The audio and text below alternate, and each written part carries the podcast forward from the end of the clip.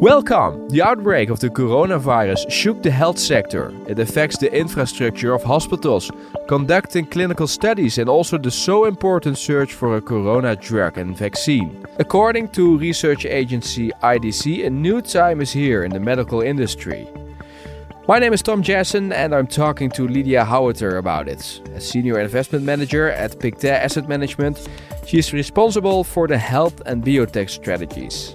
Okay, Lydia, let's start with tech companies because uh, for a long time, for example, uh, tech companies are very interesting uh, for investors. Um, now, healthcare and health is also uh, in the spotlights. Uh, because of the news, because of the, the crisis. How um, safe is the healthcare for investors? Can you say something about that? So it's definitely a defensive segment. Um, we've we've known that from past crises as well, because obviously the the demand is very acyclical. You you're always gonna have to have your medicines, your drugs. You're always gonna have to have your treatments. So in that sense, it is a defensive space, and I, I understand why people flock to it. Um, but on top of that, it's obviously it's a health crisis, so people are looking for health stocks to to find a solution to it. So what we see in in in certain areas, we see um, bubbles forming around certain um, corona related stocks. Um, and and I would just caution people to to speculate too much on these individual stocks because some of them they remind me more of bitcoin than of actual equities so it's uh, it's quite interesting to watch so there's a disconnect in in the valuations and the actual underlying economic reality because let's face it, a lot of these companies are, are donating these drugs or are, are giving these vaccines at a very low cost. So they're not going to make a huge profit.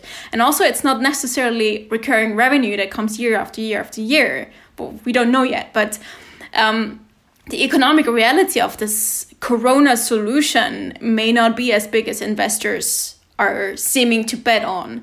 So, as a, professional investor, you need to be quite um, opportunistic and and look at variations, take profits where you have this kind of hype uh, around some of these corona related um, names. And then also um, see if there is any dislocation in the market for, for some names that have been underperforming but actually have good value there. So I think for an active investor, it's a good time to pick stocks. Okay, and um, uh, in general, what are the uncertainties in the world of uh, healthcare uh, to investors? Yeah, so um, you have certain different aspects, I would say. For example, in, in the medtech um, space, you have a lot of these elective surgeries that have been postponed, and, and um, many companies do make their value on these elective surgeries. So here it's all about the, the dynamics of these surgeries coming back. Um, there's some that are really elective, so you don't really need to do it people still do it. Sometimes sometimes it's cosmetic, sometimes it's like a minor thing. But some surgeries are actually not essential to do it right now, but you need to do it at some point. So you need to fix your heart at some point. And so there we will probably have some catch up demand where people have to do more than 100% capacity to, to catch up with everybody who needed that heart surgery before but had to postpone it due to COVID 19. So I think there it's all about how fast is the stuff going to come back? Is it a V shape? Is it a U shape recovery? Um, and then for for like the pharmaceutical space, or biotech and pharma, it's all about clinical trials and um, potential delays for clinical trials. Because here um, we've seen companies already talk about um, not being able to enroll, so find new patients for some of their trials, and therefore having to postpone the readouts. Um, so that's something we, we, we're looking at in terms of uh, especially in the smaller companies that maybe don't have that much cash how, how long is their cash gonna last until the readouts or do they have like some financing issues that they run into um, so that's that's mainly for the pharmaceutical space then on the insurance side, um, you'll probably have some changes in who is insured by whom, especially in the United States. Um, it's a it's a very complex system, but in the in the US, people are mainly insured through their employers. and with so many people losing their jobs they're also losing that health insurance. So there it's it's going to be a, a, reallocation of of uh, health insurance paid for an employer to the government. So so these people are probably going to have to be insured through the government through the program for poor people um, and there different insurance companies are set up to do that work for the government others are going to lose revenue so it's it's a bit um, a dynamic field at the moment Okay. Uh, we talked a lot about companies, but how important is uh, the influence of uh, authorities on uh, uh, this story for investors? Because they can give, uh, for example, a permission to for a medicine or something like that to go to the market. Yeah, absolutely. So the regulators are quite important, um, but they're also very lenient. So we have seen um, for example, the FDA, but also the European regulators um, who regulate drugs, over the years being quite innovative in how they review drugs and how fast they can approve drugs. So there, um, the collaboration between the regulators and companies has been um, much better over the last five years, I would say. Um, you also have a lot of programs that allow for accelerated review periods. So if it's like a very a severe disease that doesn't have a treatment, you, you can have a very fast approval process. And that has obviously sped up in this crisis because um, everybody wants a therapeutic to get to market. And you've seen with Gilead, I mean, they had a record time to, to get approval for, for their remdesivir, for the drug um, to treat coronavirus. So I think um, everybody is on the same side here, and everybody wants to have an effective and safe treatment or vaccine for this disease. Has the uh, coronavirus changed your outlook for health? Um, not really. I think I think we're in a in a phase, or we have been in a phase, um, actually since 2015, where we're looking at some kind of healthcare reform that is going to happen in the United States and and you'll notice I, I focus a lot on, on the US, but this is the biggest market for healthcare in general. Um, it's just like that, and um, so I think it'll probably happen sooner than later, especially if we get a Democratic president um, going forward. But it's probably also going to be less bad than people think, um, because I mean, honestly, what we need to do is we need to fix um, the access problem in the in the United States um, to to healthcare. Um, at the moment, you have several issues to access to medicine, and it's financial mainly. So on the government side, people have to pay a large chunk. Um, it's around five thousand bucks or more out of their own pockets in terms of getting a medicine. So every January, that's when the, the hold starts again, they have to pay a large chunk of the medical cost out of pocket. Um, that prices a lot of people out of healthcare or out of their drugs. So they're basically just not taking their drugs. And even if pharmaceutical companies were to halve the price, they still couldn't afford it because it's still too high. So that part, the self-paying part in the government side, that needs to be fixed. And there's already some um, proposals, bipartisan proposals, um, that have been talked about um, on fixing that and moving that that self-paying part so, so that the pharma company can pay part of that and the government can pay part of that. On the employer side so on, on people who are insured by their employer have the same issue because what has happened there is that employers they want less um, insurance premiums to pay. So what they do is they have these high deductible plans. What that means is that you have a deductible a self-paying part in the beginning of your insurance that the employee when they get sick needs to cover but the insurer is saving on premiums. So basically, you're moving the cost away from the insurer to the patient. Again, that price some people out of health of consuming healthcare.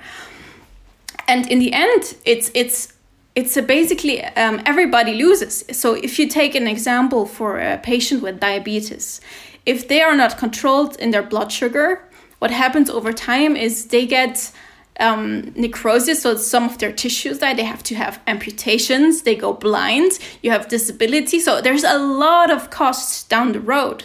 So just getting somebody to take their insulin saves you so much money down the road. And there is just this, this disconnect on outcomes and how people make money at the moment, and that needs to be fixed. And I think um, there is some initiatives that will going to to do that, and in the end, who will win is is companies that add value to the system, so they have um, let's say better therapies they have less side effects less hospital costs and that's always the, the kind of companies that we're focusing on so in that sense it's not changed our outlook at all it's really finding these players who truly add value to the system yeah. And you, men- you mentioned the United States as the most important market. That's for now. But when you look to the future, there is a lot of uh, potential in Asia, also on the health market. Uh, do you see a change in the coming years? Well, you see emerging markets being a bigger chunk of some of the revenues for some pharmaceutical companies and, and healthcare companies. Um, which countries? I don't. Well, you see China, but you also see, um, in certain degrees, you see Brazil, Russia to to play a role because it's a lot of people. Um, I don't think they'll ever be as fed a market as the United States because the, let's face it, the prices in the US are sometimes 100% higher than prices in Europe, for example. So I think they're, they're never going to be as um, expensive a market as the United States, but I mean, it's, it's a volume question in the end. So you, you, you get enough volume from this geography, it adds up. Um, so definitely. Yeah. Health is also so much more than only drugs. Can you tell us something about how much companies are involved uh, and are also in, uh, interesting for uh, investors? Uh, because there are a lot of uh, companies uh, involved involved in the, in the healthcare system. Yeah, um, so so we look at health even broader than healthcare because to us, um, so for our health strategy, we think that one important aspect that is very small now, but that will be much more important in the future is actually prevention, because that's your biggest ROI is if you prevent um, disease from happening in the first place, because everything else is you're just running behind the problem and try to fix it. Um, and so here it's it's a lot of companies that are actually in the more in the consumer discretionary space. So it's um, healthy activities, um, being active. It, it's good nutrition, having healthy foods. Um, and there we have a lot of companies. So uh, around 40% of our portfolio is actually that part of, of the segment. Uh, it, it's the prevention side. And you call, call it um, health. Yeah, that's why we call it health because we think health is really more than healthcare. And and one concept that we kind of use to guide us is um, this concept of health span. So if you look at a, a person's lives, you have the lifespan, but typically what you see is that the first, say, 50, 60 years, people are generally in quite good health. So they may break an arm, then they it heals again, and they're fine again. And um, at some point, these age-related diseases start to creep up. So it's it can be your diabetes, your heart disease. Um, as dementia, etc. And this span in the end is the majority of the spending in healthcare is really on these last couple of years. Um, it really goes through the roof in the last couple of years. So if you can lengthen this span of general health, let's say the first 70 years, you're saving so much cost down the road. And I think also you you're adding quality of life generally for the population which then will also have an economic benefit um, down the road. So I think prevention is is without a doubt the the biggest impact we can have as investors if we if we um, fund companies that are doing good work in that aspect. Okay, and which companies are involved uh, in that part of uh, the market? So some of them are um, unexpected. Um, for example, we have a salmon farm that is in the portfolio, and um, that salmon farm has some of the the best salmon in terms of fish quality. So it's the omega 3 to omega 6 ratio that basically tells you how healthy the salmon is for your heart. And they have that because they're in a geographical location that enables them to, to have a very good fish um, or a very low fish mortality. They don't have to use chemicals, etc. That gives a high quality product. And here, um, that's part of the portfolio because there's actually a scientific link between eating fish um, more than once a week and cardiovascular disease. There's been a huge study with over 40,000 people um, whom they tracked over time, and they could show that um, eating fish more than once a week reduces cardiovascular um, disease by 15%. So we, we kind of look for those kind of scientific links to include companies in our portfolio. Um, we also have some active lifestyle companies in there. So, for example, Shimano is in the portfolio who do the does bike parts basically. So that's a company that we think is quite pure in terms of the their um, exposure to health because the the product is directly. I mean, you as a Dutch person, you know that it's directly linked to physical activity, right? Um, so that's a very high purity company that we we have in there. Um, one that is in the universe but not in the portfolio is, for example, Nike. And Nike is not a very pure company for us because just because you have a pair of Nike trainers doesn't mean you're gonna go running with it. So we have kind of this this fashion discount that we use, and therefore that's probably not that one that's qualifying for the portfolio because the link is not um, direct enough. Yeah. Um, yeah.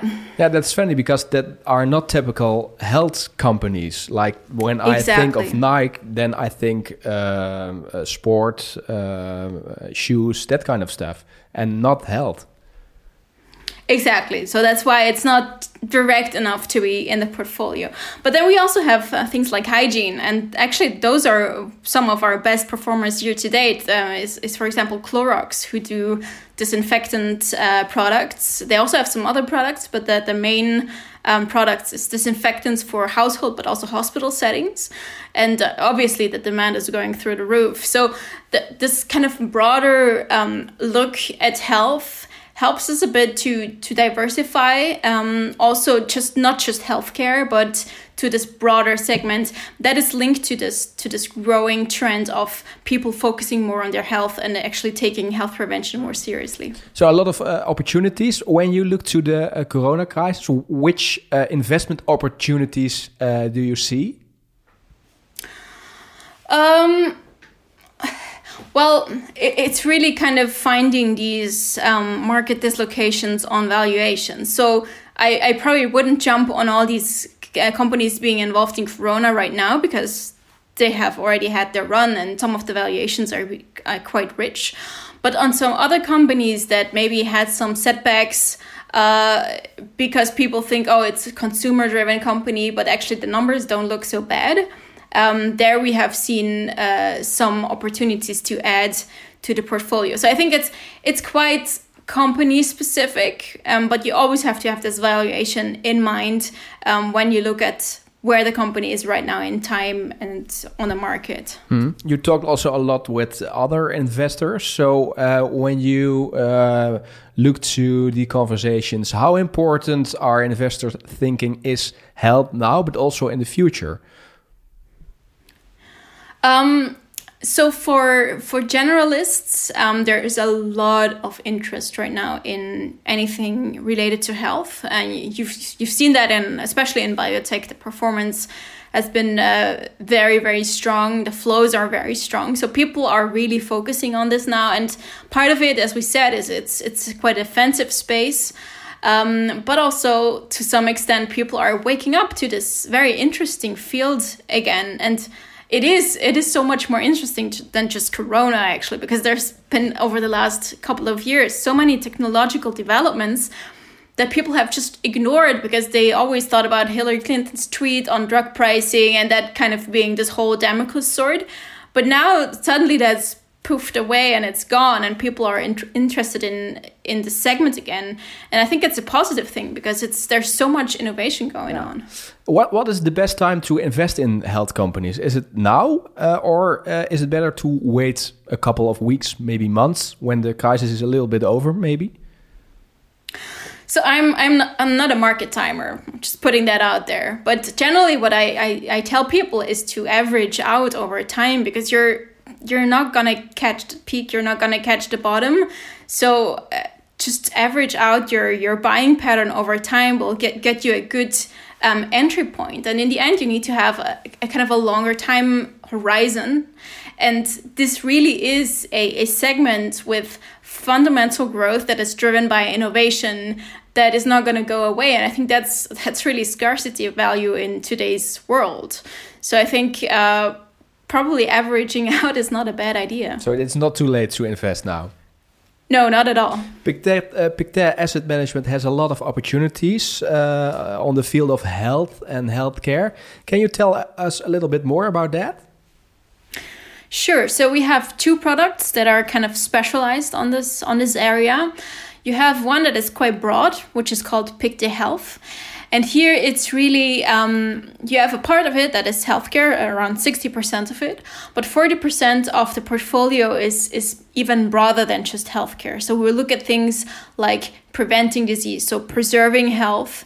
Um, we look at things, how to finance healthcare better by um, increasing healthcare efficiency through, for example, digital health companies, um, so through technology. Um, so it's a bit of a broader strategy. And then we also have Pictet Biotech, which is uh, basically zooming in on the therapeutic aspect. So this is um, more let's say a bit more aggressive in style because biotech is quite an aggressive field in terms of the, the volatility that you sometimes see. It's very idiosyncratic as well. So it's not linked, it's a very low correlation to the general market but um, it, it can be a volatile segment. But nevertheless, this is where we see a lot of innovation and growth happening. So we have this specialized product that's called Pictet Biotech that just focuses on this therapeutics aspect of it. Yeah, so there are a lot of uh, opportunities and also a lot of chances for investors. Absolutely.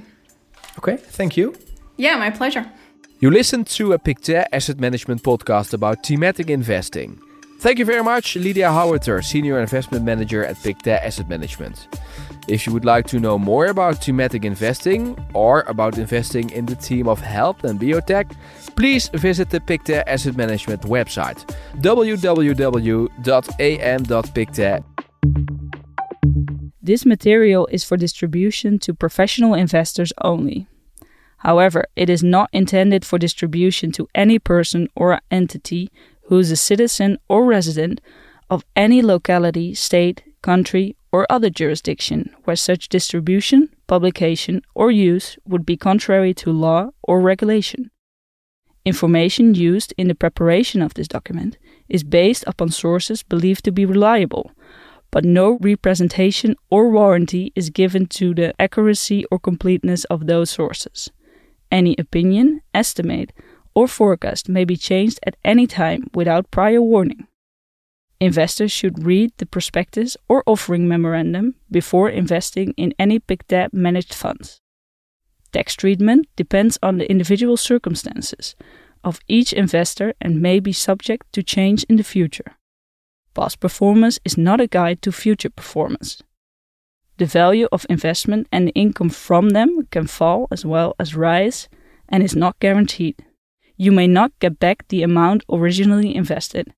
This document has been issued in Switzerland by Pictet Asset Managed SA and in the rest of the world by Pictet Asset Managed Limited, which is authorized and regulated by the Financial Conduct Authority and may not be reproduced or distributed either in full or in part without their prior authorization.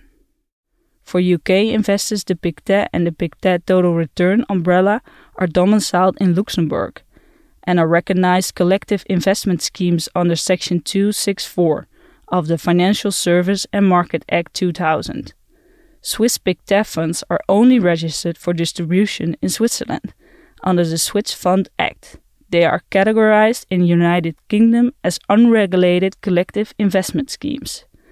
The Pictet Group manages hedge funds, funds of hedge funds, and funds of private equity funds, which are not registered for public distribution within the European Union and are categorized in the United Kingdom as unregulated collective investment schemes.